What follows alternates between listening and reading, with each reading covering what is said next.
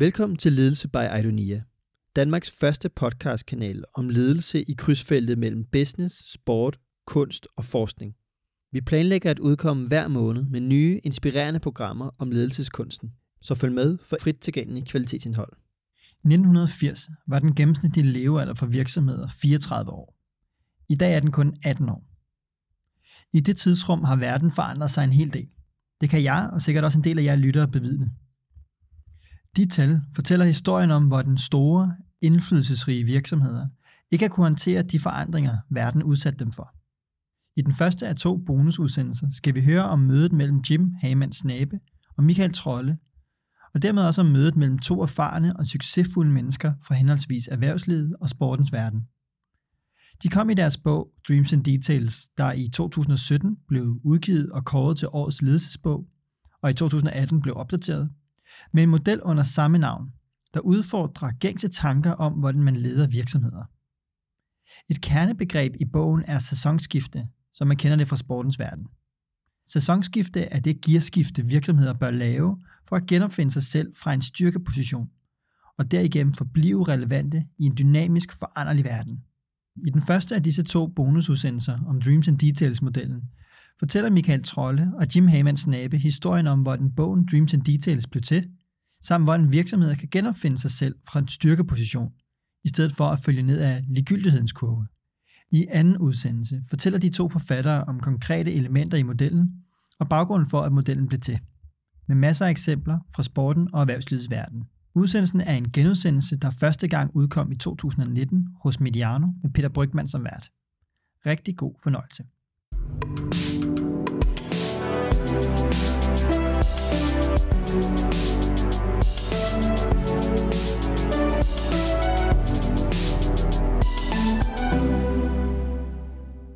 Velkommen indenfor i Bosworth, sted hvor vi forsøger at lave en scene for en ledelsesdebat, der er lidt mere end et par hurtige floskler og et foredrag. I dag skal det handle om øh, meget mere end det. På Bosworth sætter vi nu fokus på noget, der ikke bare er en meget succesrig bog, men en helt ny model for at forandre virksomheder. Og hvis vi svinger os op på den høje hest, måske lige frem en bevægelse. Vi laver derfor i denne uge hele to udsendelser om et bidrag, der har påvirket dette årtis ledelsesdebat. Måske ikke mere end nogen andre bøger, men en bog og en model, der læses og efterforskes rigtig mange steder på det danske arbejdsmarked arbejdsmarked og nu også internationalt. Mit navn er Peter Brygman. Jeg har taget på besøg på Dreams and Details Academy i Hellerup Nord for København. Jeg befinder mig i et lokale med de to hovedmænd og de to forfattere bag bogen Dreams and Details. Michael Trolle, velkommen til, eller velkommen til mig her hos dig. Tak. direktør for Akademiet her, øh, tidligere direktør, landstræner og meget andet i Volleyball Danmark, som tidligere hed Dansk Volleyball Forbund. Vi kommer til en lidt bredere præsentation af dig. Er du klar til at folde Dreams and Details ud i, her i Bosworth? Ja, det jeg glæder mig vældig meget til, faktisk. Det er også. Og så har vi Jim Hagemann Snabe, erhvervsmand og bestyrelsesformand i, nu tager jeg bare din korte version, Jim, den er, den er lidt lang, den her bestyrelsesformand i Siemens, bestyrelsesformand i Mærsk og næstformand i tyskbaseret Allianz. og i øvrigt øh, centralt placeret i World Economic Forum. Der kommer en lidt længere præsentation af dig lidt senere. Har du også mod på en team snak om ledelse? Det kan du tro, bare det ikke øh, handler for meget om mine titler, så er jeg meget. Jamen, dem, øh, dem kommer vi, jeg tør ikke sige forholdsvis hurtigt henover, fordi vi skal lige have nogle af dem med. Okay. Til lytterne øh, skal jeg sige, at bogen Dreams and Details udkom i 2017. Den vagte en betragtelig opsigt, ikke bare fordi her var en stor erhvervsmand og en fremtrædende sportsperson, der bragte to verdener sammen og viste et ambitiøst bud på en helt ny ledelsesmodel. Men også så meget, at bogen blev kåret til årets ledelsesbog 2017 af ledernes hovedorganisation. I to deltog i en samtale her, her i Bosworth hos Mediano dengang i december 2017. Kan I huske den? Ja. ja, det kan vi godt huske. Det var en god dag. Den samtale ligger fortsat derude. Den var aktuel og baseret på udgivelsen af bogen. Jeg skal nok linke til den, når vi poster det her på Facebook, Twitter og LinkedIn. Lad os lige prøve at høre, hvad der er sket siden. Øh, dels i forhold til, øh, hvordan bogen har klaret sig indtil nu, øh, men også det her med bevægelsen. Hvordan er det gået med bogen? Jamen, det er gået rigtig godt faktisk, langt over forventning. Vi har vel solgt øh, 10.000 bøger indtil videre, øhm, men meget vigtigere end det har vi jo fået øh, dialog omkring modellen. Øh, ikke bare på overfladen, men, men i dybden, og det øh, siger jo noget om, at vi måske har fat i en ny måde at tænke ledelse på, som, øh, som er interessant for, for, for dels erhvervslivet, men også mange andre organisationer faktisk. Hvad er det her med det, øh, det internationale? Bogen er, ved jeg, oversat til engelsk. Er der andet på vej? Ja, altså vi fik jo en, en vældig interessant øh, henvendelse fra fra Kina, et kinesisk forlag. Og det er jo sådan altid en beslutning, skal man gøre det, fordi vi kan jo ikke selv læse korrektur på bogen. Så det, det vil imponere mig, hvis jeg ja. kunne. ja, det kan vi ikke. Så skal man være ligesom Victor Axelsen og have lært sig kinesisk. Det kommer vi nok ikke til. Men øh, det valgte vi faktisk at, at, at, at gå ind i og arbejde på at få den udgivet inden for det næste år, cirka, ja. Det ville være vældig interessant. Altså kineserne er vel kendetegnet ved at være interesseret i det langsigtede og investere i know-how, så det er jo udover det et stort, altid kommercielt attraktivt marked, så er det også i forhold til at gøre det til en bevægelse også en, øh, en, øh, en mulighed. Helt sikkert. Øh, kineserne har også vist meget interesse i det hele taget for, for dansk hvad kan man sige, uddannelsesmodel. Altså, hvordan får de øget det kreative element? Og den her ledelsesmodel giver jo, den slipper jo mennesker fri på en, på en måde, så der er meget i virkeligheden øh, evne til kreativitet og, og nytænkning øh, med i ledelsesmodellen. Måske er det det, der har fanget deres interesse. Jim, jeg har jo længe gået og luret på, øh, du kommer jo blandt andet fra det tyske øh, arbejdsmarked, har øh, gjort en bemærkelsesværdig karriere igennem SAP, den, den store tyske koncern. Du er nu bestyrelsesformand for Siemens, som er et stykke tysk nationalarv, der er Allianz. Øh, hvor øh, i hvilket omfang overvejer I at oversætte den til tysk? Jamen det har jeg indtil videre prøvet at, at, at modstå lidt. Øh, modellen er jo på mange måder øh, meget præcis. Vi har brugt rigtig lang tid på at udvikle modellen og dens øh, dimensioner. Øhm, og derfor var det et ret stort arbejde at oversætte den til engelsk, og derfor havde vi også overvejelsen, om vi overhovedet kunne acceptere en oversættelse til, til kinesisk, når vi ikke selv kunne være inde og sikre, at det var rigtigt. Um, og indtil videre er det vel vores opfattelse, at den engelske bog måske endnu mere er relevant, fordi mange af de organisationer, vi arbejder med, er internationale organisationer. Og, ja. og derfor er den engelske øh, bog måske bedre, fordi den giver en mulighed for at inddrage en hel ledergruppe på tværs af lande, i stedet for at den er i virkeligheden landespecifik ved at have et bestemt sprog. Så skal jeg sige til lytterne, at du er dumpet ind i det her, der er tænkt som den første af to udsendelser, hvor vi folder Dreams and Details-universet mere detaljeret ud. Denne udsendelse, den første her, skal åbne døren til universet. Her vil jeg bede Michael og Jim forsøge at beskrive, hvad det handler om. Hvad kan den her model? Og så i udsendelse nummer to, som vi optager senere den her uge, der kigger vi på, hvordan man arbejder på det her. Her bliver det mere konkret, og undskyld det lidt slidte udtryk, værktøjsrettet. Det er tanken, at øh, det er det, man i gamle dage kaldte news you can use, altså sådan meget handlingsorienteret, øh, eller handlingsorienteret til. Den udsendelse udgiver vi i næste uge. Jeg må også hellere sige til lytterne, at Michael og jeg engang har skrevet en bog sammen, der hedder Sportens Største Leder. Vi er alle tre en del af netværket High Performance Institute, og vi deler øh, et syn på, at tror jeg, tager jeg til indtægt for, at KPI ikke kan stå alene. En tro på, at man skal folde menneskets potentiale ud, og at ægte præstationsledelse opstår, når man kan skabe mening for den enkelte medarbejder og for teamet. Er det dækkende? Ja, det er meget, meget præcis faktisk. Så er lytterne advaret. Udsendelsen er som altid i Bosworth præsenteret i samarbejde med Private Banking for Arbejdernes Landsbank, som er Medianos partner på vores fokus om ledelse. Det skal Jim og øh, Michael ikke tages til indtægt for. Her I er bare gæster her i Bosworth. Nu går vi så over i den fase af præsentationen, hvor jeg som vært siger alt det, som gæsterne ofte er, undskyld, jeg taler meget her i starten, men sådan er det ofte, når jeg skal præsentere interessante gæster, øh, er forbundet det til selv at sige. Øh, jeg kan ikke bare sige, når jeg sender den over til jer og sige, sig lidt om dig selv. Så nu, nu siger jeg en masse om jer. Men som er vigtigt for at etablere gæster gæsternes autoritet, så bryder I bare ind, hvis jeg siger noget, der er faktuelt forkert. Michael, dig først. Du har arbejdet i en cirka 30 år som toptræner, det meste som landstræner, og du er en institution i sportens verden. Måske også den, der i lige så høj grad som Ulrik Vilbæk, uden at du og Ulrik i øvrigt skal slås i hardcore, har inspireret erhvervslivet til læringer fra sportens verden. Michael har også været klubtræner i Holte IF Volleyball, som i virkeligheden blev grundlaget for en af de mest øh, bemærkelsesværdige ledelsespræstationer i sportens verden de seneste 30 år. Det er lidt store ord, Michael, men øh, det, det, jeg refererer til, det var dengang, du tog øh, den her flok studerende uden løn i Holte, som jeg kalder dem, øh, og skabte et præstationsmiljø, som førte til det, der var Champions League slutspillet i, øh, i øh, faktisk før den struktur egentlig kom, det hed, hvad hed det, Final Six? Ja. Og det var i starten af 90'erne. Det er korrekt, ja. Jeg var ung journalist på, øh, på Ekstrabladet, der fulgte ham det her, den lange mand ude for Holte, der, der talte med nogle helt vilde visioner, og så faktisk førte det ud i livet. Hvordan husker du den tid? At den var, den var ret unik, og det er jo også den, vi henfører til. Det har været det laboratorium, jeg hele tiden har kigget tilbage i, når Jim og jeg havde de her diskussioner, hvor jeg skulle repræsentere mine erfaringer fra sportens verden, og på godt og ondt, fordi den periode var også en blanding af meget af det, som var common sense på det tidspunkt.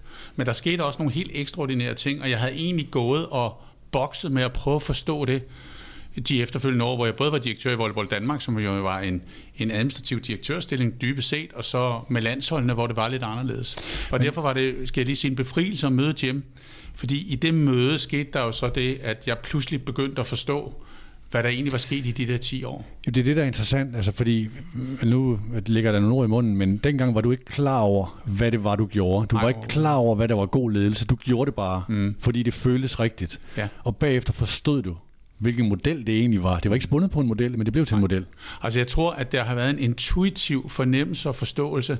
Og det, der egentlig var, var absurd i den periode, var jo, at man hele tiden forsøgte at finde tilbage til det, der burde være det rigtige. Men i virkeligheden var der noget andet, der hele tiden stak op, som virkede bedre. Øh, og ved i virkeligheden at være tro mod det at lade sin intuition og, og sin drømme trække i den retning, øh, blev der jo skabt nogle, nogle ekstraordinære, og det er nogle ekstraordinære resultater, specielt dem i Champions League, fordi det var lavet uden professionelle udøvere og sådan nogle ting, man spillede med nogle af de bedste i verden. Øh, og det har jeg jo gået og bokset med lige siden, mm. for at prøve at finde ud af, hvad filen var det. Hvad var det egentlig, man havde gjort i den periode? Det er meget interessant det her. Jeg tror, mange kan, kan, kan genkende noget af det, at man begynder øh, egentlig at, nu bruger jeg bare analogien, at skøjte som leder, og så finder man ud af, at nogen kan finde ud af at skøjte, og hvad er det egentlig så, der, øh, der, der virker, og så langsomt får man struktur og teori og modeller på. Man kan selvfølgelig også gøre det omvendt, men jeg tror mange, især dygtige ledere, gør det på den her måde, at det egentlig gør sig nogle erfaringer, og så kan man senere hen gradvist øh, få, få, få modellerne på. Jeg skal sige, Michael, du underviser også på øh, CBS Executive samt på Københavns Universitet. Du har skrevet i alt tre bøger om præstationsledelse. Du har som konsulent arbejdet for DR Drama, øh, det Kongelige Teater, Novo Nordisk og en række større danske virksomheder. Og så er Michael, det kan jeg mærke i mit daglige miljø i elitesporten, blandt mange toptrænere, regnet som en slags ledelsens godfather, øh, undskyld udtrykket, og har igennem sin undervisning haft indflydelse på folk som Kasper Julemand, Thomas Frank og Johan Lange. Øh, og alle unge trænere hører efter, når Michael siger noget.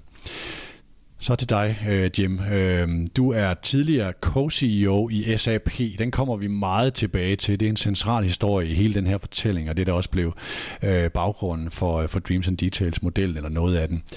Du er bestyrelsesformand i Siemens siden januar 2018. Der er der, jeg tror ved seneste optælling, cirka 380.000 medarbejdere.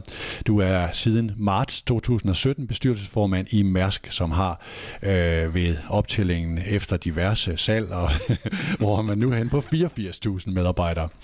Øh, og det er sådan omsætninger på i alt... Øh, hvad bliver det øh, på øh, 83 milliarder euro i det, i det, ty, i det, i det tyske, eller 620 øh, milliarder euro, øh, 250 hos Mærsk, og øh, næsten 500.000 medarbejdere, altså mere end 850 milliarder i omsætning. Jeg tror, jeg har lavet et regnestykke, det kommer i den anden udsendelse, om hvad det svarer til bruttonationalprodukt, når man putter det ind på landenes liste. Det er, det er nogle ret vilde tal. Øhm, du har været hos IBM, du har været næstformand i, i, i Bang Olufsen, eller BO, indtil 2017, og du er stadig bestyrelsesmedlem i Allianz, hvor du er næstformand. Her er så øvrigt yderligere 180.000 medarbejdere. Jim er underviser og adjungeret professor ved CBS. Nu hæver jeg lige lidt luft ind, hjem, fordi øh, du er yngre end mig, og din præsentation er jo nærmest en særudgave blå bog. Er du med nu? Jeg er med, jeg er med. Det er godt.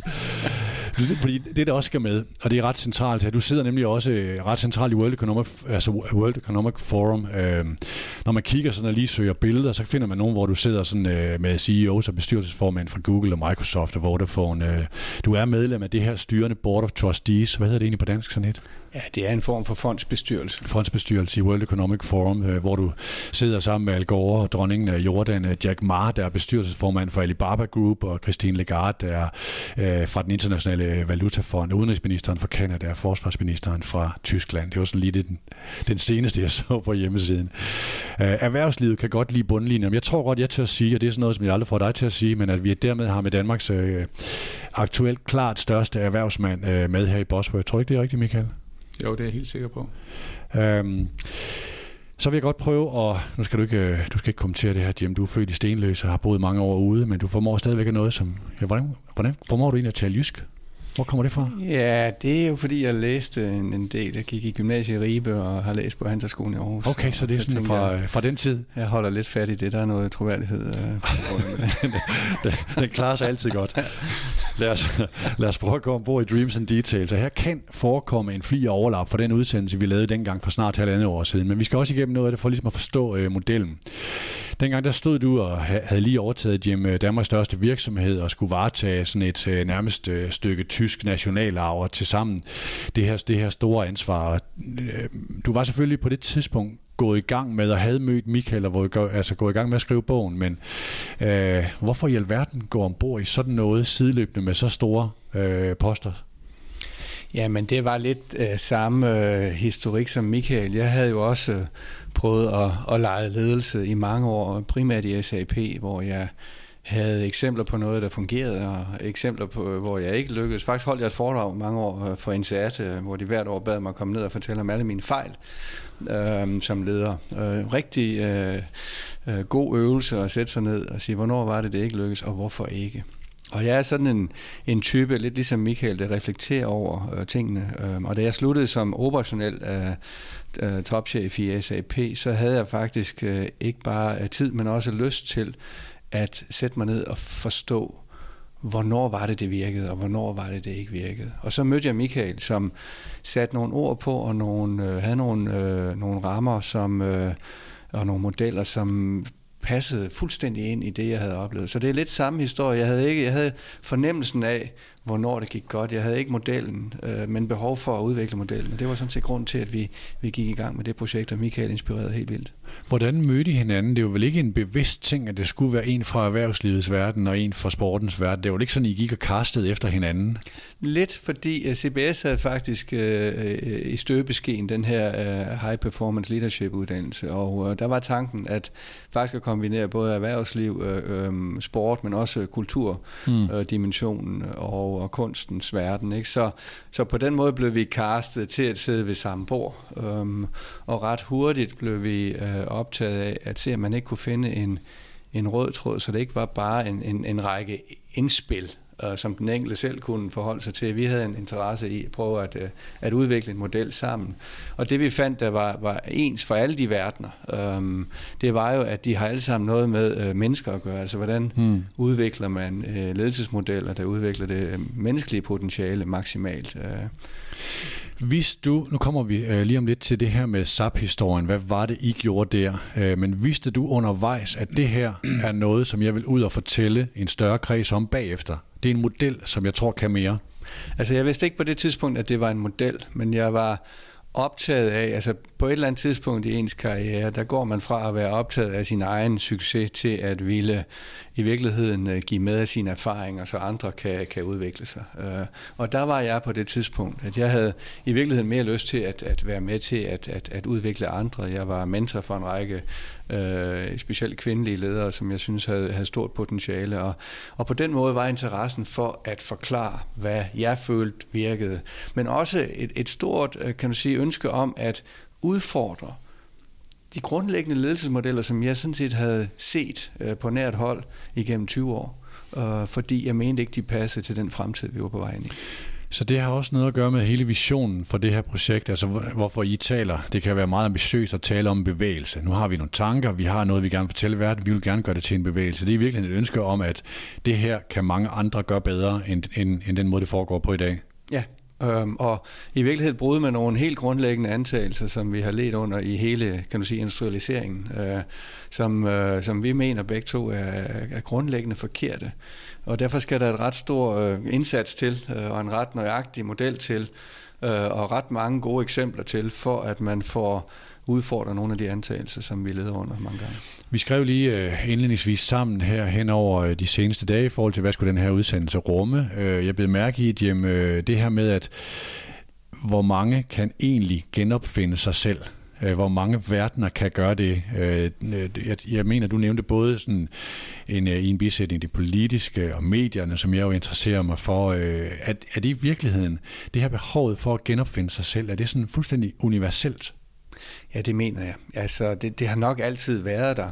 Øhm, men hastigheden, hvormed man skal udfordre sig selv og genopfinde sig selv, er blevet øh, større. Og det vil sige, at man i løbet af en karriere, måske i gamle dage, øh, kun kom ud for den situation en enkelt gang. Nu er det nærmest konstant. Øh, og det er en af tankerne i bogen til, hvordan kan man kontinuerligt udfordre sig selv. I virkeligheden er det også en genopfindelse af sig selv som, som leder, og det kommer vi også ind i i bogen. Altså, det er ikke nok, at man tænker ledelsesmodel for virksomheden eller organisationen.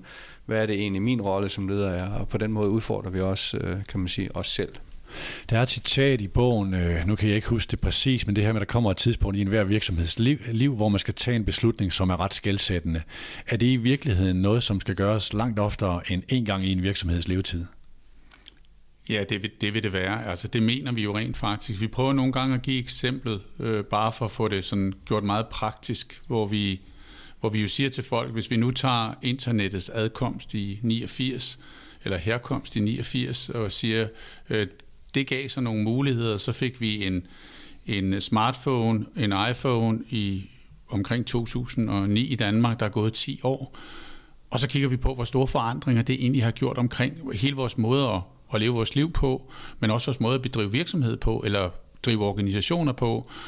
Og hvis vi så forestiller os, at de 10 års forandringer i en eksponentiel øh, fremskrivning kommer til at foregå i samme omfang, i samme mængde, så vil det foregå over de næste 2-3 år. Og det betyder, at alle disse beslutninger, vi har taget bare inden for de sidste 10-20 år, som vi synes kommer, er kommet hurtigt og har været meget skældsættende, øh, der tyder alt jo på, at disse beslutninger skal tages oftere og oftere. Måske i virkeligheden på ryggen af hinanden. Og det er derfor, at, at og det er noget, Jim har bragt meget med ind i det, så jeg, som jeg måske ikke var så meget opmærksom på, det der med, at det er helt afgørende, at, at disse nye tiltag tages ud fra en styrkeposition, eller med afsæt i en styrkeposition. Fordi det er det, der giver en de største muligheder for at skabe de rette forandringer. Det sjove ved det komme som øh, fra et biologisk øh, standpunkt er, at det ikke er naturligt for mennesket.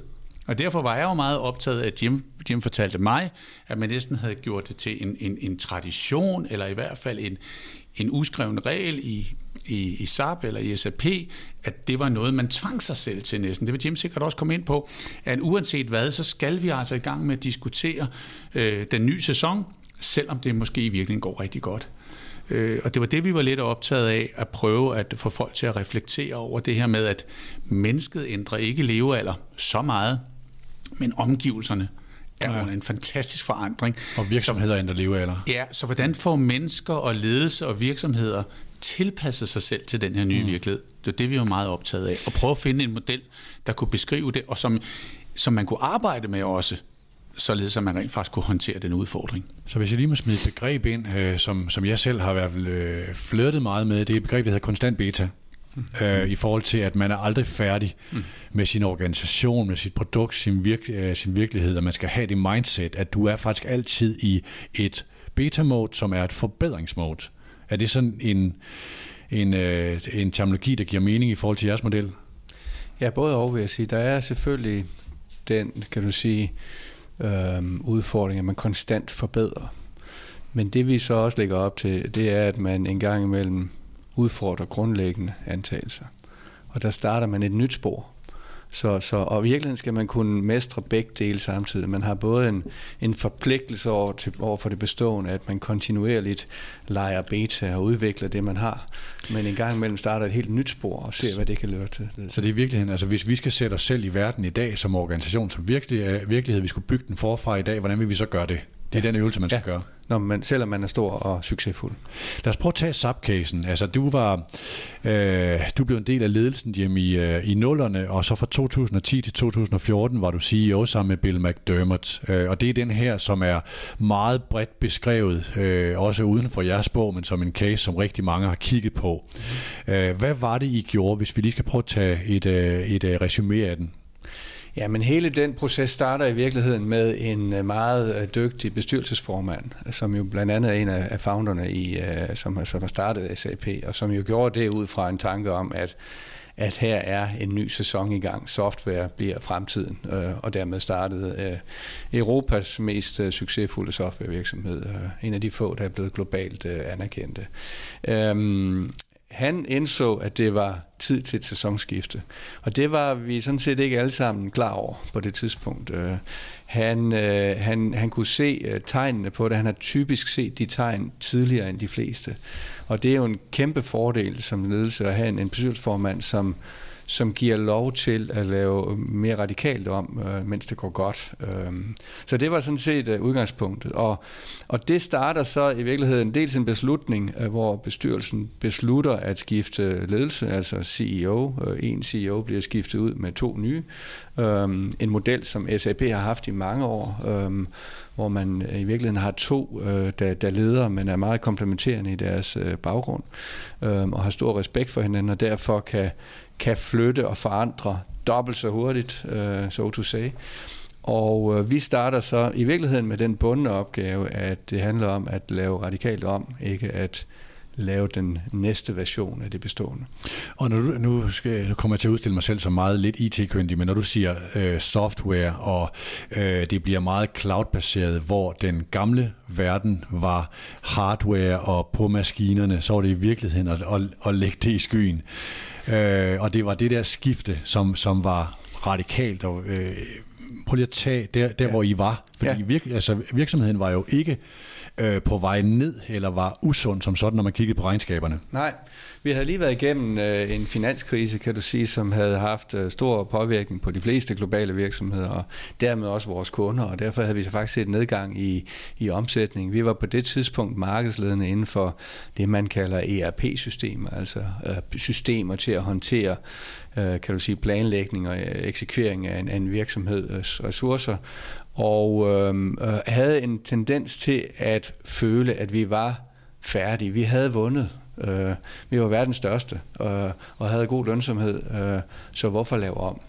Og det, der var på vej i horisonten, det var skyer øh, i flere end en forstand. Mm. Øh, skyer, kan du sige, øh, der udfordrede den forretningsmodel, vi havde, hvor kunderne ikke længere ville købe softwaren, men i stedet for i virkeligheden købe en service, hvor softwaren lå i vores datacenter, og kunden kunne bruge softwaren i stedet for at købe softwaren. Og det ændrer forretningsmodellen ret radikalt. Øhm, det udskyder nemlig omsætningen i en 3-4 år, og det er der ikke det er der ikke mange virksomheder, der kan overleve sådan en omstilling. Nej, der skal man kunne se langt nok. Ja, det skal og, man. Og det kræver en, enten en god ejer, en god bestyrelsesformand eller nogle, øh, nogle dygtige folk på centrale poster? I virkeligheden alle tre øh, elementer, vil jeg sige. Øh, og vi fik jo lov til at lave om, kan du sige. Øh, og vi gik i gang øh, med en, øh, en strategisk øh, analyse af, hvor er verden på vej hen. I stedet for at tage udgangspunkt i, hvor er vi?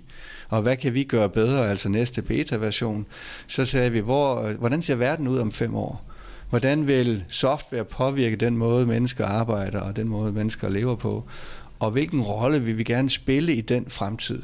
Og så regnede vi baglæns hmm. og sagde, hvad er det så, at vi skal kunne, som hvad vi, vi ikke kan i dag? Ja. Ja. Og det øh, skabte, øh, kan du sige, grobunden for i virkeligheden en strategi i, i to elementer. Hvordan optimerer vi det bestående? Altså fortsætte den effektivisering, der var af det, vi allerede mestrede, samtidig med, at vi åbnede tre helt nye markeder, hvor vi havde nul erfaring. Øh, og de tre skulle så blive fremtiden. Og udfordringen ledelsesmæssigt blev jo at få overbevist alle om, som jeg synes, at vi var en stor succes, og vi havde sådan set lykkedes, om at lave radikalt om, mens det gik godt. ja, det er jo det, der er interessant. Ja, og der var det oplagt. Vi prøvede faktisk jo at, at i talesætte, du ved, hvor, hvor skidt det kunne blive, hvis ikke vi gjorde det. Det var der ikke rigtig stor øh, interesse for, fordi det gik jo godt. Vi havde en lønsomhed på 29 procent. Det er svært at, mm-hmm. at lave et, et skrækscenarie for mennesker, som ser, at vi, er, vi klarer så godt. Hvem eller hvad er det, der er inertien i sådan et system? Hvad er det, der fastholder øh, en virksomhed i at blive der, hvor det egentlig går meget godt? Er det omgivelserne? Er det det nuværende regnskab, øh, CFO'en? Eller er det, hvem er det, der fastholder egentlig den her øh, antagelse? Altså det populære svar er, det er jo øh, øh, investorerne, som vil have det afkast af den gamle model. Øh, det tror jeg er for let en forklaring. I virkeligheden er det i min optik øh, to ting, der fastholder en. Det ene er nogle antagelser, som handler om det, der gjorde, at man blev succesfuld. De antagelser holder man fast i. Og de begrænser en i forhold til at se verden på en ny måde. Og det andet er det, jeg kalder vaner. Altså i princippet har man ikke brug for ledelse, hvis man lader vanerne bestemme. Hmm. Så ledelse handler om at skifte vaner øhm, og udfordre antagelser. Og meget af det, vi gjorde, handler om netop om det. Og når vi kigger på modellen efterfølgende, så er meget af modellen, specielt på den strategiske side, at finde ud af, hvad er det for antagelser, der er forkerte i fremtiden, og hvad er det for vaner, det er i virkeligheden det, vi kalder detaljerne, som vi skal lave radikalt om på, for at lykkes i en ny virkelighed. Ja, I går jo øh, i den her fase fra øh, 50 millioner kunder til en milliard kunder. Er det ikke så nogenlunde korrekt? Jo, det er brugere. Eller brugere. Ja, det er brugere. Så, så, så vi havde været optaget af en antagelse, der i virkeligheden gik ud på, at jo mere komplekst et system er, et IT-system er, desto mere kan man få betalt per bruger. Og derfor havde vi meget avancerede systemer til nogle få mennesker i en virksomhed. Typisk 15 procent af de ansatte. Og den, udfordring, den, den antagelse udfordrede vi. Så hvad nu, hvis vi skulle være noget for alle? Hvad hvis vi skulle nå en milliard mennesker? Og det var et, en udfordring af en antagelse, som gjorde, at, at så begyndte folk jo at tænke anderledes. Så tænkte de, at det skal være simpelt, det skal være mobilt. Um, og, og det ændrede en række vaner i den måde, vi tænkte løsninger på, og den måde, vi tænkte skærmbilleder på. Og bare for at tage et meget konkret mm. eksempel. Fra at fylde et skærmbillede op med så meget som muligt, skulle vi pludselig fylde det op med så lidt som muligt, og gøre det så intuitivt og let som muligt. Inden jeg spørger Michael, hvorfor det her er en god og illustrativ case for hele Dreams and Details-modellen, mm. så kan jeg lige spørge dig, Jim, i forhold til, hvordan endte det her så for for eksempel øh, SAP og eventuelle kigge på nogle sammenlignelige øh, aktører i markedet, som ikke gjorde det her? Jamen altså, vi, vi kan jo sige, at da vi startede processen, der sammenlignede vi os jo med andre virksomheder, som gjorde det samme som os, og følte, at vi havde vundet. Og en af måderne at udfordre antagelser på, det var at begynde at sammenligne os med nogle andre virksomheder, som gjorde ting på en anden måde. Vi så cloud-virksomheder, som opererede meget hurtigere, end vi gjorde. De var væsentligt hurtigere med at komme ud med nye versioner af deres software til deres kunder.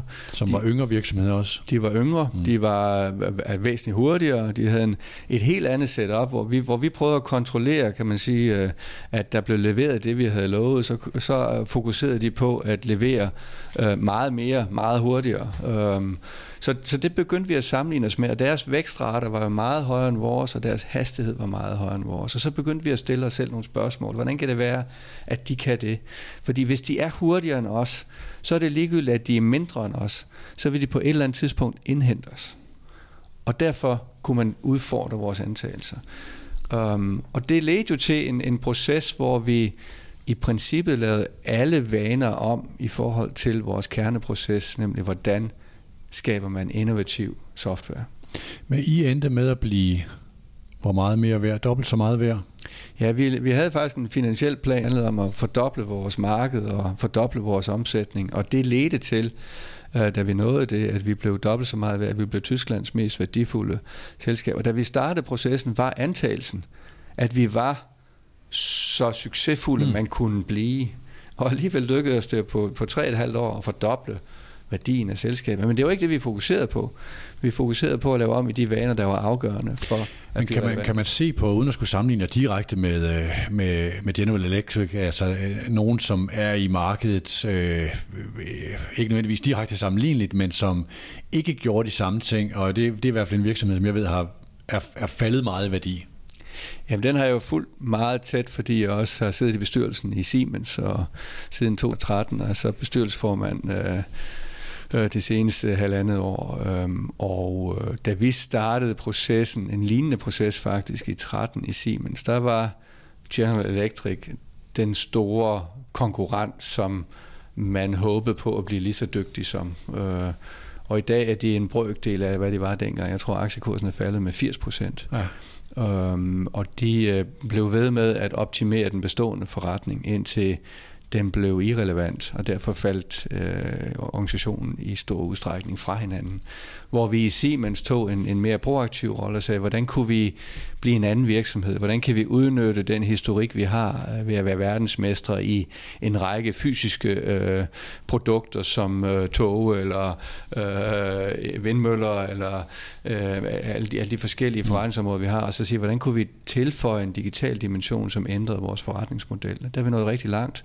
Og det betyder, at vi i dag jo øh, slet ikke sammenligner os med General Electric. Vi sammenligner os med helt anderledes virksomheder, som har en anden, en anden øh, evne end, end det, vi havde dengang. Det er jo en indlysende case til at blive klog af, mm. og til at forstå, hvad der betyder noget på lang sigt, og ikke bare i indeværende regnskabsår. Øh, Michael, hvis du sådan skulle, det bliver måske et strafspark uden målmand det her, men hvorfor er det her en god illustrativ øh, case på, på den her model? Fordi den er meget klar i sin form. Altså, jeg tror, man skal, vi skal invitere lytterne lidt ind i, at vi sidder og kigger op på en væg herude i, i vores akademi, hvor der er en stor repræsentation af modellen. Og hvis folk ikke har læst bogen, hvilket vi er rigtig glade for, at mange har, så vil man vide, at, at modellen jo har en drøm, der, at der er omfattet af et retningselement, som er centralt et ambitionselement og et inspirationselement. Og de ligger ligesom øverst som nærmest lidt en sky over øh, et bindeled, mm. ned til nogle detaljer, som er fokuseret på, hvilke roller man har, hvilke evner og hvilke samspil, der skal sættes i spil. Og det er bundet sammen af det, vi kalder en platform. I starten hed det en bro, øh, som i virkeligheden er et øh, med to meget centrale elementer, der er mindset og rammer. Og det er sådan set forståelsen, altså mindsetet og rammerne, der skaber hele grundlaget for, om den ambition, man har, der ligger ude i en eller anden given retning, i en strøm, rent faktisk kan omsættes og udvikles på detaljeniveau. Og det er der, hvor subcasen bliver meget, meget stærk, fordi det, der jo egentlig sker, det er, at man ikke har en plan, man, man har en helt ny drøm om, hvor mange man skal kunne tilgå med sin software. Og det, der er, øh, som jeg synes er så stærkt i den model, og som folk skal forstå, det er jo det, Jim meget understreger her, det er, hvis ikke mindsetet i den grad er i stand til for det første at, at skabe en aflæring af tidligere øh, fejlagtige antagelser og indførelse af nye antagelser eller nye vaner, og bliver så stærkt i sin form, så det er meget, meget enkelt, at alle i organisationen kan oversættes på detaljeniveau. Så folk spørger sig selv, hvad er min nye rolle? Hvad er det for nogle nye evner, jeg skal kunne? Hvem skal jeg gøre det her sammen med inden for de rammer, vi har? Så lykkes det ikke. Og det der er, en, øh, når folk har spurgt mig, nu var jeg ude hos Røde Kors her i morges, folk spørger mig, hvad er øh, hvad er den største gevinst ved Deems and Details, så er det dybest set, at man kan tillade sig at have en meget stor ambition, fordi man igennem et nyt mindset tillader sig selv at have troen på, og det er det subcasen viser med al tydelighed, at ved den frisættelse, der sker i, at folk pludselig forstår, Gud, vi skal gøre det her på en anderledes måde, vi skal have nogle nye evner, vi skal gøre det sammen med nogle andre, der er der det med i ligningen, at den store forandring, der skabes på detaljeniveau, ved den tænkning gør rent faktisk, at det lykkes. Altså det, vi har med i Dreams and Details, det er en antagelse om, at mennesket i den her model, i en frisætning, kan frigive og udfolde så meget potentiale, som ikke er i den gamle planlægningsteori, som rent faktisk gør, at det kan lykkes at udvikle virksomheder, mm. øh, og i hele taget organisationer til helt nye højder. Og det er også det, når jeg hører James Case, der giver mig i hvert fald forståelsen af, hvordan kunne det være, at man kunne fordofle den her virksomheds succes eller situation, øh, værdi, øh, så var det fordi, at der kom de her helt nye elementer ind, og dybest set forandrede virksomheden. Men i virkeligheden helt nede på nogle helt afgørende detaljeniveauer. Det er derfor, vi er så optaget af de afgørende detaljer. Så jeg håber, lytterne på en eller anden måde kan forstå, hvad det er for et billede, vi taler om. Altså mindsetet i virkeligheden er oversættelsen af drømmen mm. eller ambitionen ud imod den retning. Så klart, at alle, der skal i gang med at udvikle på detaljerne, slet ikke er i tvivl om, hvad det er, de skal gøre, og dybest set selv kan tage en lang række rigtige beslutninger, og derved kontrollere processen ud over, ud igennem rammerne, på en langt mere optimal, agil, hurtig måde, i forhold til, hvad vi mm. har kunne gøre tidligere. Det er det bedste billede, jeg kan forsøge at give lytterne af det. Ellers må man og kigge på mm. modellen og læse lidt mere. Ja. Det her, hvor lydmedier er lidt specielt, ikke? fordi vi kan jo ikke vise modellen, vi kan fortælle om den, men jeg kan sige, at vi kommer øh, både tilbage til øh, modellen i slutningen af den her udsendelse, og så helliger vi nærmest hele udsendelse to til en, den meget handlingsanvisende del af den, også med de, med de, med de, med de 64 anbefalinger, som, øh, som, øh, som også er i jeres, øh, jeres arbejde. Altså det der jo, nu sidder jeg og kigger op på den på væggen her øh, ved siden af Jim og Michael, altså altså med, med drømmene heroppe og detaljerne hernede. Altså drømmen er øh, retningen og visionen, hvor skal vi hen, og detaljerne er eksekvering, hvis man skal oversætte det til gammeldags strategi, øh, hvad skal man sige, rækkefølge. Jeg kunne godt tænke mig lige, inden vi går, øh, vi går ned i, øh, i nogle andre eksempler. Øh, I bruger Formel 1 sporten som en beskrivelse på et øh, det I kalder sæsonskiftet og behovet for det. Øh, Jim, du har jo øh, igennem SAP været involveret i var på siden af McLaren-bilerne, og der den gamle McLaren-chef øh, Ron Dennis øh, havde vundet hvor mange verdensmesterskaber? Otte stykker eller ja, sådan noget. Det er rigtigt, ja. Øh, og prøv lige at fortælle om hvor, øh, altså ordet sæsonskifte øh, hvordan, hvordan det fungerer der. Jamen det er en meget interessant øh, sport, og igen øh, inspirationen fra sporten er, er åbenbar, øh, fordi man inden for en sæson jo har den øh, vanvittige øh, udfordring konstant at forbedre sig, altså beta, øh, som vi mm. talte om tidligere, at man mellem to løb i virkeligheden skal have kortet et halvt sekund af omgangstiderne på den bil, ellers så kan man godt vinde det første løb i sæsonen, men man kommer til at være sidst øh, i det sidste løb, fordi alle forbedrer sig simpelthen kontinuerligt over en sæson. Um, og og det, der tænker man som, som, som det store ledelsesmæssige øh, og, og vanskelige i den branche, men det er det slet ikke. Og, og Ron Dennis, han siger det meget tydeligt. Han siger, det faktum, at vi har vundet en række verdensmesterskaber historisk, har ingen direkte påvirkning på vores evne til at vinde i næste sæson. Og så siger han, hvorfor, hvorfor siger du det? Jo, siger han, fordi hver sæson bliver der lavet en ny bog med nye regler. Og så skal man i virkeligheden bygge en ny motor og en ny bil og have et nyt team. Øh, og, hvis man, øh, og det er en helt anden ledelsesmæssig opgave, end det er at lave kontinuerlige forbedringer. Altså hvis, som han siger, hvis man tager den gamle bil med ind i den nye sæson, så er man til grin i den første runde i det nye løb mm. allerede. Så, så, og, og der er det, han siger, at det er en anden ledelsesmæssig opgave. Og, og det, der er fordelen, kan du sige, i Formel 1 i forhold til erhvervslivet, det er, at Ron Dennis vidste nøjagtigt, hvornår det var et sæsonskifte, og hvornår skulle han bygge en ny bil kontra at optimere den eksisterende. Og han kendte alle de nye regler. Og det er jo det, der er udfordringen ledelsesmæssigt i erhvervslivet eller i andre organisationer, det er, at hvornår er det, at man skal optimere kontra lave radikalt om? Og hvad er de nye regler? Tit vil de jo på grund af de nye teknologier slet ikke være kendte. Man er nødt til at eksperimentere med nogle nye måder. Øh, og hvordan skaber man plads til at mm. eksperimentere i en forretning, som er drevet af kvartalsresultater, som jo også skal leveres. Lad os prøve at gå over i øh, blandt andet din nutid Jim. Øh, der er selvfølgelig, øh, skal jeg sige til lytterne, øh, øh, I må ikke forvente, at øh, Jim fortæller indgående om, hvad der skal ske i den kommende tid i hverken Mærsk eller Siemens. Det er så store virksomheder, at øh, når bestyrelsesformanden siger nogle ting selv i en lille dansk podcast, kan det, have, kan det have stor betydning. Men hvis vi lige prøver at lægge det her filter på og sige, hvad kan vi lære af det strategiske arbejde, man laver og har lavet, øh, sådan mere bagudrettet i Mærsk og Siemens. Øh, hvis vi prøver at tage Mærsk først, og så sige, øh, der er nogle store ændringer i gang. Der er en fokusering på, at så har man frasolgt dansk supermarked, man er i gang med øh, de og de ting, og nu er det sådan en, hvem er vi? Øh, hvad har man ønsket der, som egentlig ikke, at, ikke at jeg skal sige, at du trækker Dreams Details-modellen ned over Mærsk, men hvad for nogle ting kan man, kan man se i, de, i det spekter? Jamen på mange måder er der jo Dreams and Details elementer i det, og det er klart, det præger den måde, jeg leder en, en bestyrelse på. Vi har lige haft øh, generalforsamling i mm. sidste mm. uge, og, øh, og der lavede jeg lidt historieskrivningen, hvor, hvor det første spørgsmål det var, hvorfor, hvorfor lavede vi overhovedet strategien om i 2016? Og det er jo spørgsmålet, hvornår er det øh, sæsonskifte? og tegnene på sæsonskifte i Mærsk var jo, at man ikke havde vækst. Øh, tværtimod øh, havde man haft negativ vækst i en række år. Og, og hvis man kigger på vores, vores kurve, som vi også har i bogen, så vil man se sådan en, en S-kurve, der topper på et tidspunkt, og så begynder at gå ned. Og det vil sige, at hvis man ikke har vækst, så er det i hvert fald et, et tegn på et sæsonskifte. Ja, så ender man med at stå til sidst på en brændende platform. Lige præcis. Så, så derfor var det, kan du sige, på højere tid at, at komme i gang. Og, øh, og principperne for strategiudviklingen var sådan set de samme, som vi arbejder med i Dreams and Details. Jeg, jeg forklarede dem også på generalforsamlingen, at for det første, så øh, er det et princip, at vi søger vækstmarkeder, altså markeder, der har vækst i sig selv. Det er meget lettere at vokse en virksomhed, hvis man er i et marked, der vokser. Så skal man bare være gennemsnitlig god, så vokser man. Øh, hvorimod, hvis det er et marked, der ikke vokser, eller et marked, der er i negativ vækst, så skal man være ekstremt god. Man skal være meget bedre end alle de andre for overhovedet at vokse. Mm.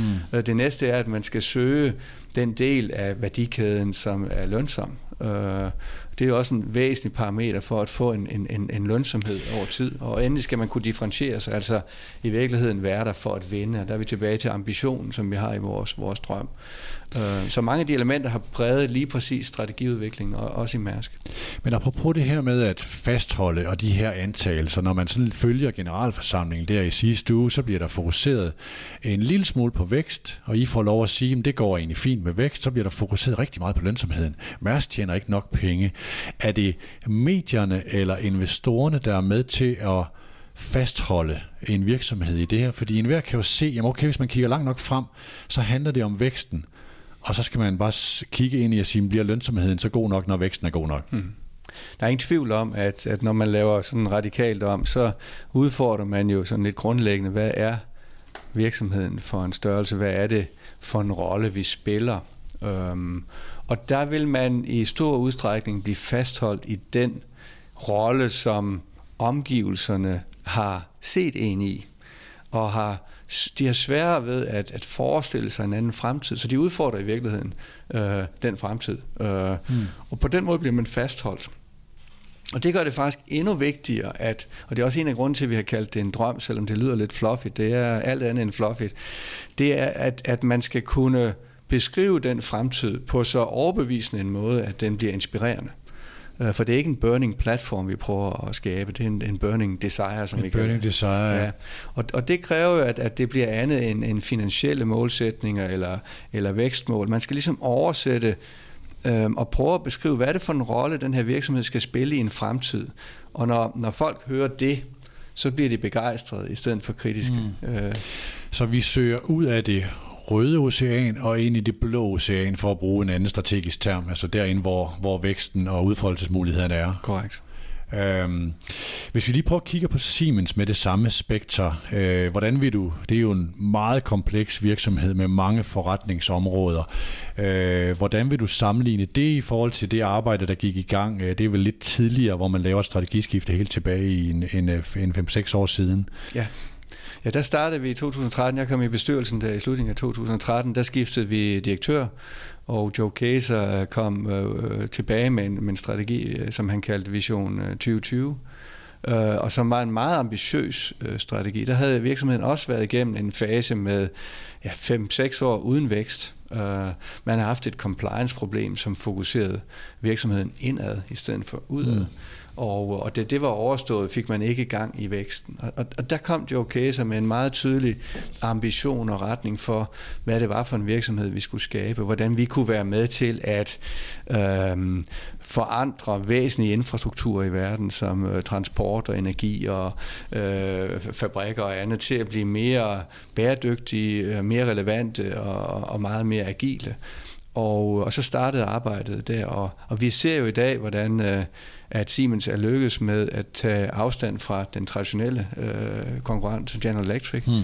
at, at strategien virker. Og, og det interessante i den case er faktisk, at at sidste år, hvor det gik rigtig godt, øh, leve, øh, Siemens leverede sit bedste resultat nogensinde i sin 150 års historie, der blev øh, jeg bestyrelsesformand, og sammen med direktøren blev vi enige om, at nu er det tid til at genopfinde igen, fordi nu gik det rigtig godt. Så vi startede et kæmpe projekt, og det er lige blevet øh, øh, aktiveret nu her. 1. Øh, april øh, lavede vi voldsomt om i hele koncernstrukturen, for igen at udfordre antagelserne, få mere hastighed på og komme tættere på markederne. Er det noget med, altså det bliver mere decentralt, det bliver ja. mere agilt og en beslutningskompetence mere i centrene, altså en fladere struktur, ja. øh, eller, eller er det for entydigt? Nej, det er, det er meget, øh, grundtanken er at skabe hvad kan man sige, mere autonome dele. Du kan sige, konglomeratet bliver udfordret, fordi det har for meget byråkrati, der er for mange centrale beslutninger, og hele den her ledelsesmodel handler i virkeligheden om at skabe mulighed for en decentral beslutningsevne, men øh, uden at miste hverken kontrol eller, eller ambition eller retning. Uh, og, og det er derfor, de otte elementer i modellen er vigtige. De skal være mm. alle sammen veldefinerede, de skal jo passe sammen, uh, ellers virker modellen ikke. Men når de gør det, så skaber det muligheden for decentral beslutningsevne, og dermed også en helt anden hastighed og frisættelse af, af, af mulighederne i organisationen. Jeg skal lige spørge sådan øh, et nysgerrigt spørgsmål i forhold til, når man kommer med sådan en model, og man har lavet sådan en bog, og man har så de her øh, mange opgaver, man skal ud og i virkeligheden filtrere ens teorier i virkeligheden. Hvor bliver man mest overrasket og tænker, okay, her blev det godt nok lakmustester, jeg blev øh, slået tilbage i Ludo, eller her virkede det rigtig, rigtig godt, fordi sådan og sådan. Hvad har været den største sådan aha-finding på den skala? Jamen, som bestyrelsesformand kan man jo ikke komme med sådan en model, øh, fordi det er jo, man er jo ikke operationelt øh, ansvarlig, øh, så ledelsen skal have sine modeller. Men det man kan som, som bestyrelse, det er, at man kan stille nogle spørgsmål. Og, og blandt andet stillede jeg jo meget anderledes spørgsmål i strategiøvelsen, end jeg gjorde i gamle dage. Øh, I gamle dage handlede det om, hvordan kan vi gøre det bedre, øh, mm. vi gør i dag. Og nu stiller jeg spørgsmål om, hvordan ser verden ud om fem år, og hvilke markeder har vækst, og hvilke markeder har lønsomhed, og hvilken rolle skal vi spille i de markeder, og hvordan oversætter vi det til så inspirerende en, en, en historie, at folk er begejstrede for at være med. Michael, du har jo arbejdet meget med motivationsteori og mm. de her ting. Øh, jeg kunne godt tænke mig, sådan, når du øh, har fulgt det her arbejde, som Jim har lavet, og det vi taler om her i forhold til måden at strukturere øh, en organisation og teams og så videre, og hele jeres model, hvor er nøgleordet, eller hvor er nøglepunktet på den enkelte medarbejders motivation? Jeg vil egentlig lige tage det et andet sted hen først, fordi noget af det, Jim beskriver her, er jo er jo fuldstændig centralt i, i forståelse af, hvorfor modellen virker så godt. Altså det er, jo, det er jo evnen til i virkeligheden at skabe rummet og forståelsen for, hvordan man gerne vil spille med sit hold og give dem de optimale rammer. Og igennem at kunne gøre det, så får man en meget stor indflydelse på menneskets virkelyst til at få lov at excellere med den forståelse og få lov at udfolde sig i de rammer. Og der ved vi i dag, at, øh, at, at kan vi skabe det, og det er jo det, der leder til, at vi synes, at vores detaljer udvikler sig optimalt, hvis vi kan skabe det. Det er dybest set også i sportens verden, når du arbejder med et hold, og de virkelig helt er blevet trænet til at forstå, hvordan vi skal spille, og du dybest set skubber dem ind på banen og trækker dig tilbage med den indflydelse, du har haft i deres muligheder for nu at være der og så ser dem spille helt fantastisk. Og hvor du gradvist og hele tiden bliver overrasket over, at de træffer her og nu fuldstændig rigtige beslutninger, som du aldrig selv ville have truffet. Og min læring har været, at jeg ville have givet mange, mange, mange penge for at kunne gøre det hele om på en anden måde. Altså jeg har prøvet alle de andre ting, øh, været enormt kontrollerende, enormt styrende, enormt fokuseret på... Hvor du tager ejerskabet væk. Ja, øh, at det lykkedes alligevel på det tidspunkt, var så, at det er min egen konklusion, at det alligevel gav en fordel på det tidspunkt, fordi vi måske alle sammen gjorde det ens. Og derfor dem, der var bedst til at gøre det bedst muligt på den ens måde på det tidspunkt, stadigvæk var konkurrencedygtige mm. og kunne vinde. Men, men hvis jeg havde vidst det, jeg tror, jeg ved i dag, så tror jeg, man kunne have skabt endnu mere. Jeg tror faktisk, at det var det, så i øvrigt skete i holdeperioden i nogle sammenhæng, som gav det der ekstra boost, som var uforklarligt på det tidspunkt. Men, men det vi ved i dag, det er, at når man får, får skabt de muligheder for mennesket til at kunne få lov at være med til at træffe beslutninger inden for, for nogle rammer, og føle, at man er fuldstændig rigtig placeret i sin rejse op mod ambitionen som enkelt individ. Øh, at man har en mulighed for den der autonomi, at få lov at gøre noget ved sig selv og udvikle sig osv. Og i den grad føler sig rigtig tilhørt med andre. Giver en, et, et, det, vi kalder integreret meningsdrevet motivation.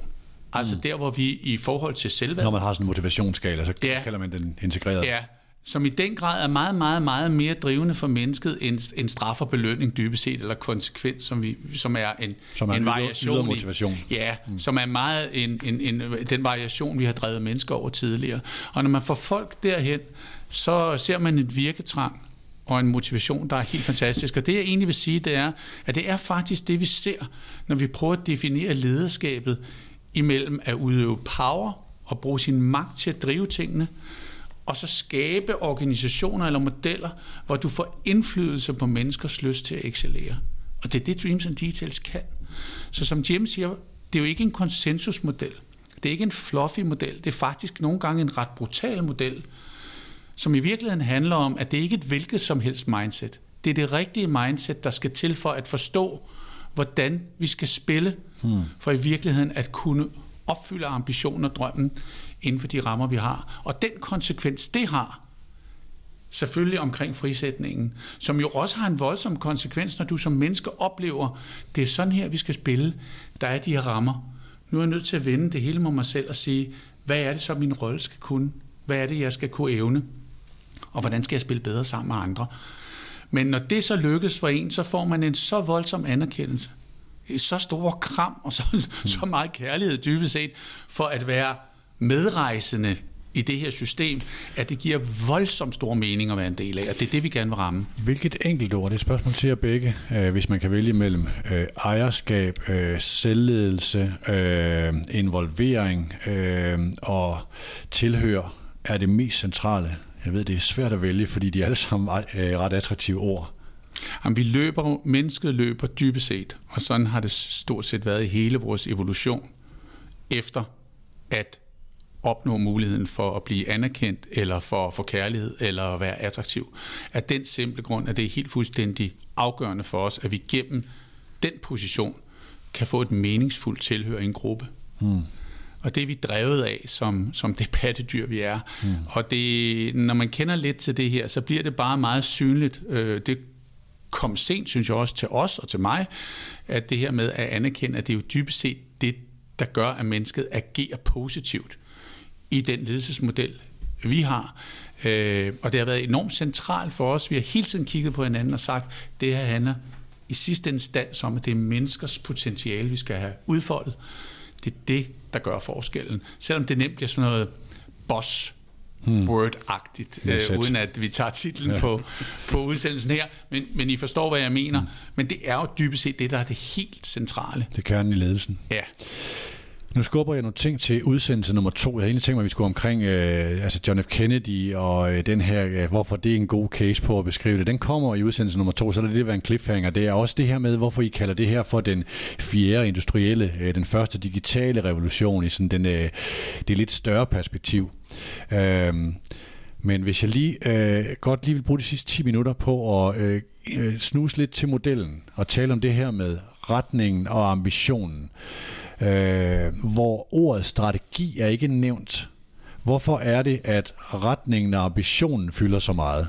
Og ikke strategi, det vil jo være sådan klassisk viden at sige, at vi skal starte med strategien. Ja, men lad os kalde det hele et, et, en form for strategiarbejde. Øhm, det, der har været vores øh, grunderfaring, øh, er vel, at når man oversætter en strategi i traditionelle termer, øh, enten i forhold til nogle finansielle målsætninger, man har, eller nogle marketingfloskler, øh, man har, eller nogle øh, powerpoints, som man prøver at overbevise folk om, så er det relativt overfladisk og øh, ikke drivende for forandring af vaner.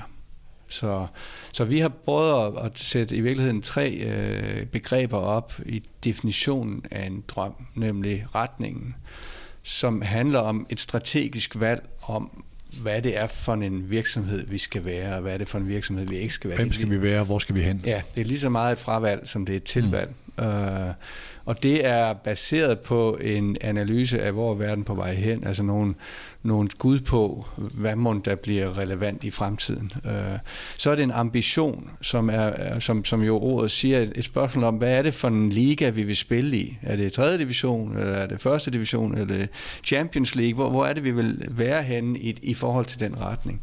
Og så er der et, et ord, vi kalder inspiration, som er prøver at oversætte det her til noget, som ikke rammer folks hjerner, og det er vi sådan set ret gode til, i hvert fald i erhvervslivet. Men hvornår rammer vi deres, deres vilje? Um, en ting er, at jeg forstår strategien, men hvis vi kan få alle medarbejdere til at sige, jeg vil strategien, så, så opnår vi en drivkraft i forandringen, som er meget, meget øh, stærk. Og, og derfor arbejder vi med, at inspiration er i virkeligheden prøver at finde tilbage til, hvad er det egentlig, vores formål er som virksomhed, hvad er det for en rolle, vi spiller i de markeder, og prøve at få oversat det til noget, som giver så meget mening, at, at folk bliver inspireret af at, at kunne blive noget meget mere, at være en del af et team, som kan det. Jeg vil hellere arbejde her end der. Ja, det er meget altså, det, der meningen. Ja, det er ja. meget meningen med det. Så i virkeligheden er det en kombination af en, en meget logisk dimension, som både er en, en strategisk retning, altså et valg og et fravalg, en ambition, som også jo er strategisk valgt, og så en oversættelse til noget, som giver fuldstændig mening. Og de tre elementer til sammen skaber det, vi kalder en drøm, nemlig en, øh, en, en strategisk retning, som er så inspirerende, at mennesker er villige til at lave radikalt om på den måde, de gør ting på i dag, mm. selvom de faktisk er succesfulde med den måde at gøre det på i dag. Og så kommer nysgerrigheden. Hvad er det så, vi skal lave anderledes? Og nu har vi åbnet, kan du sige, hjernerne for, at, at, at ville noget andet, fordi så kan vi opnå noget meget større end det, vi kan i dag. Når jeg sådan kigger op på tavlen ud for det, vi har talt om nu, og det er modellen, jeg, hen, altså, jeg, jeg, jeg refererer til, så jeg godt tænke mig at vide om detaljerne, altså dreams and details, der er detaljerne fylder meget, mindset ligger i den her bro mellem drømmen og detaljerne. Og jeg har, jeg har en fornemmelse, at de to ting hænger meget sammen detaljerne og mindsetet, det at arbejde ude i en hverdag i en organisation. Hvordan øh, kan I prøve at beskrive, hvordan de to ting hænger sammen? Jamen der vil jeg sige, at det, det, i virkeligheden øh, har vi øh, kommet øh, frem til, at når vi har fået beskrevet drømmen, som er det, vi alle sammen higer efter at være en, en del af, så har vi brug for at at i stedet for, som i gamle dage, at have planer, der fortæller, hvad er det så, vi skal gøre, hvornår, så har vi brug for, at, at mennesker selv kan træffe deres beslutninger. Og mindsetet er på mange måder en oversættelse af den drøm til en referenceramme, som vi skal have i vores tanker, når vi træffer de beslutninger, der skal til for at lykkes. Um, så det, i virkeligheden er det en meget praktisk oversættelse af den her ambition mm. eller drøm, som vi har, til noget, som vi siger til medarbejderne, når du nu står i beslutningssituationen, så tænk lige på det her mindset. Så er vi overbevist om, at du nok skal træffe den rette beslutning. Nu tager jeg lige et eksempel fra min gamle verden med detaljerne og, øh, og mindsetet. Hvis nu man øh, var i en virksomhed i mediebranchen, hvor der blev talt, vi skal være digitale. Mm. Øh, jeg nævner ingen navne her, og man så har en efterkritik, hvor chefredaktionen sidder og bruger en Teams efterkritik med hele redaktionen, og sidder og bladrer i avisen og bladrer historien igennem og roser det, der var på forsiden, og kigger på layoutet på side 8-9, hvor prestigeopslaget ligger, og medarbejderne så går derfra. Er det så skoleeksemplet på, hvordan detaljerne bliver udført forkert, for de kunne faktisk have påvirket mindsetet, hvis de havde talt om det digitale i stedet for? Ja, det er der ingen tvivl om. Altså eksemplet der skal der jo ligge en, en drøm om, hvad det er for en virksomhed, vi kan være i en verden, hvor der måske slet ikke er aviser, eller også er der også det. Men, men vi har i hvert fald en langt større påvirkning, end det et fysisk medie kan nå ud til. Så det er jo meget inspirerende mm. og ambitiøst. Øh, og så er der et, et mindset, som måske handler om uh, digitalt først, eller sådan noget. Så, så når vi træffer beslutninger, så træffer vi dem ud fra en beslutning om, at jamen, vi skal i hvert fald være der digitalt først, så ser vi, hvordan vi også skal være der fysisk. Og så er jo, når vi taler uh, detaljerne, så, så indfører vi faktisk et, et begreb, vi kalder micro-leadership, altså det at som leder at vise I modsætning til micromanagement. Ja, fordi vi prøver ikke at overtage beslutningen på detaljerne. Vi prøver at vise interessen for, at det er de her detaljer, Præcis. som skal laves radikalt om. Og der er det i, i høj grad måden, vi opfører os på som leder. Det er klart, hvis man så sidder og læser en avis, så har man allerede ødelagt hele drømmen. Ja, det er der, du kan gå strategien, ja. altså walk the talk. Ja, altså i virkeligheden som leder kan du påvirke enormt meget, meget mere end på ølkassen. Ja. Ved at gøre det ned i hverdagen. Lige præcis. Lad os lige prøve at line til en, øh, en, at, at, at der sidder en, øh, en HR-ansvarlig eller HR-medarbejder derude og tænker, okay, hvad betyder det her for medarbejderudviklingen? Øh, det er jo noget med rollerne og kompetencerne og samarbejdet. Hvad er det mest centrale her? Jamen det er jo, når vi ligesom anerkender, at hele den her model hviler på, at medarbejderne skal have udfoldet deres potentiale, så bliver hele HR-funktionen jo at sørge for, og det tror jeg altid HR gerne har ville, men, men der skal også en stor genopfindelse til, at, at vi skal have hele det her træningsrum etableret, som vi også taler meget om i bogen, øh, en, en, en, en udviklingskultur. Og der er det jo, der er en af de vigtige ting her, det er jo lysten til at udvikle sig, og lysten til at, at få udfoldet potentiale, kommer jo af, at man kan se, at med det her mindset og med de rammer, der er her, der kan jeg blive en relevant person i rejsen mod vores ambition. Hmm. Men hvis det fordrer, at jeg skal udvikle mig og forandre mig nogle gange ret radikalt i processen, så er det meget vigtigt for medarbejdernes motivation for at tro på det her, at de kan se, at der rent faktisk er en dagligdag og en virkelighed, hvor det er den måde, vi gør tingene på.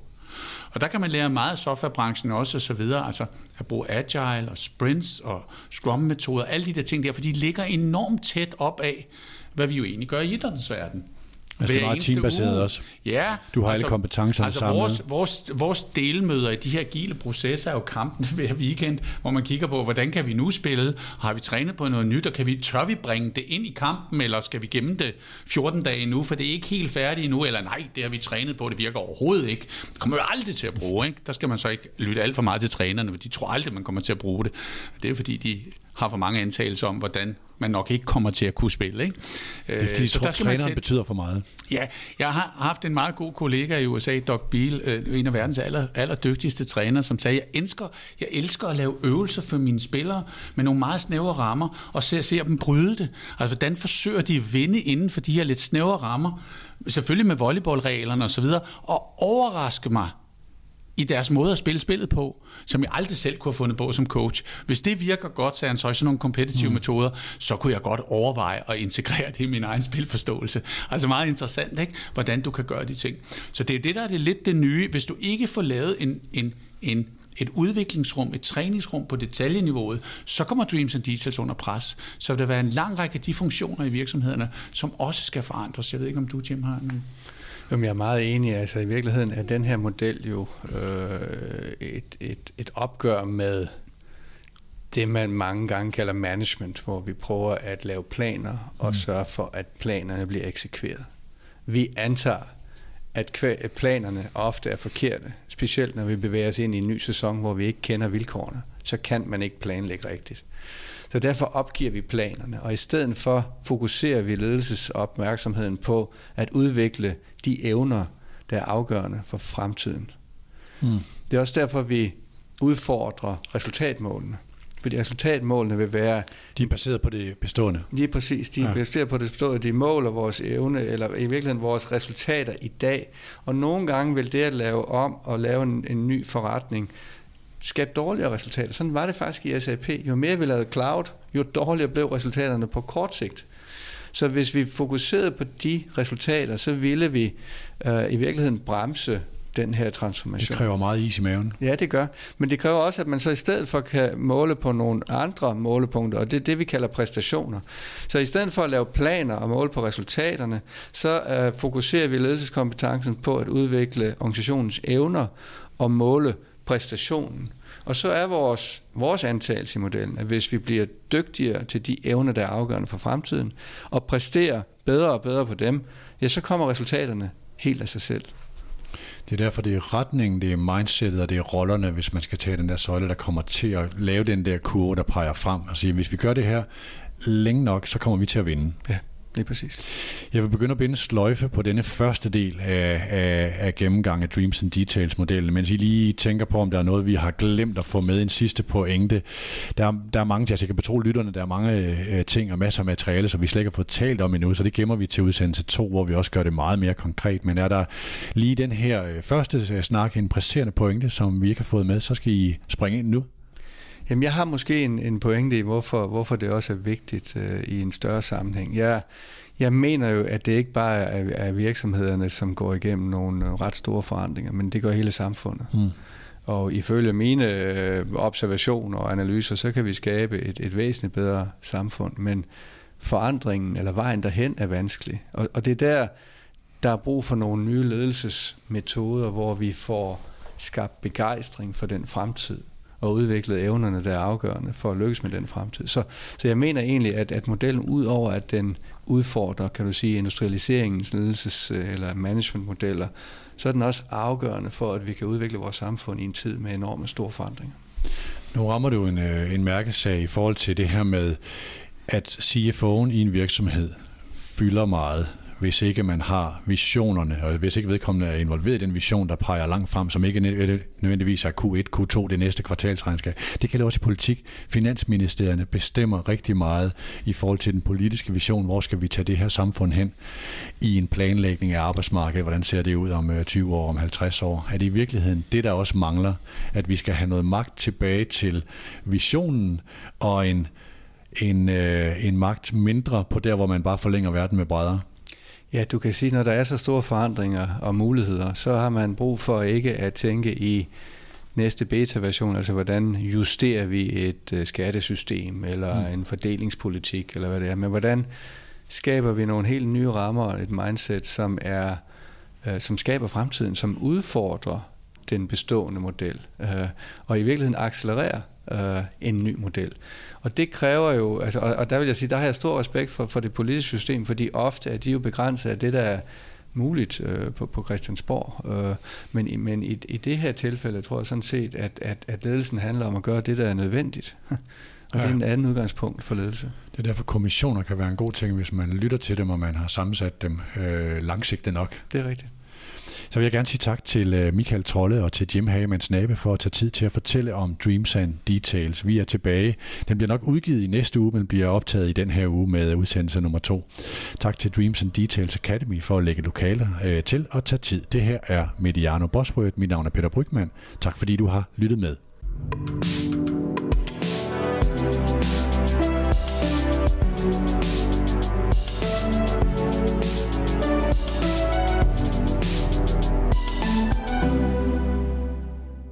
Du har lyttet til den første af to bonusudsendelser om Dreams and Details-modellen og filosofien bag. Udsendelsen udkom første gang i 2019 hos Mediano.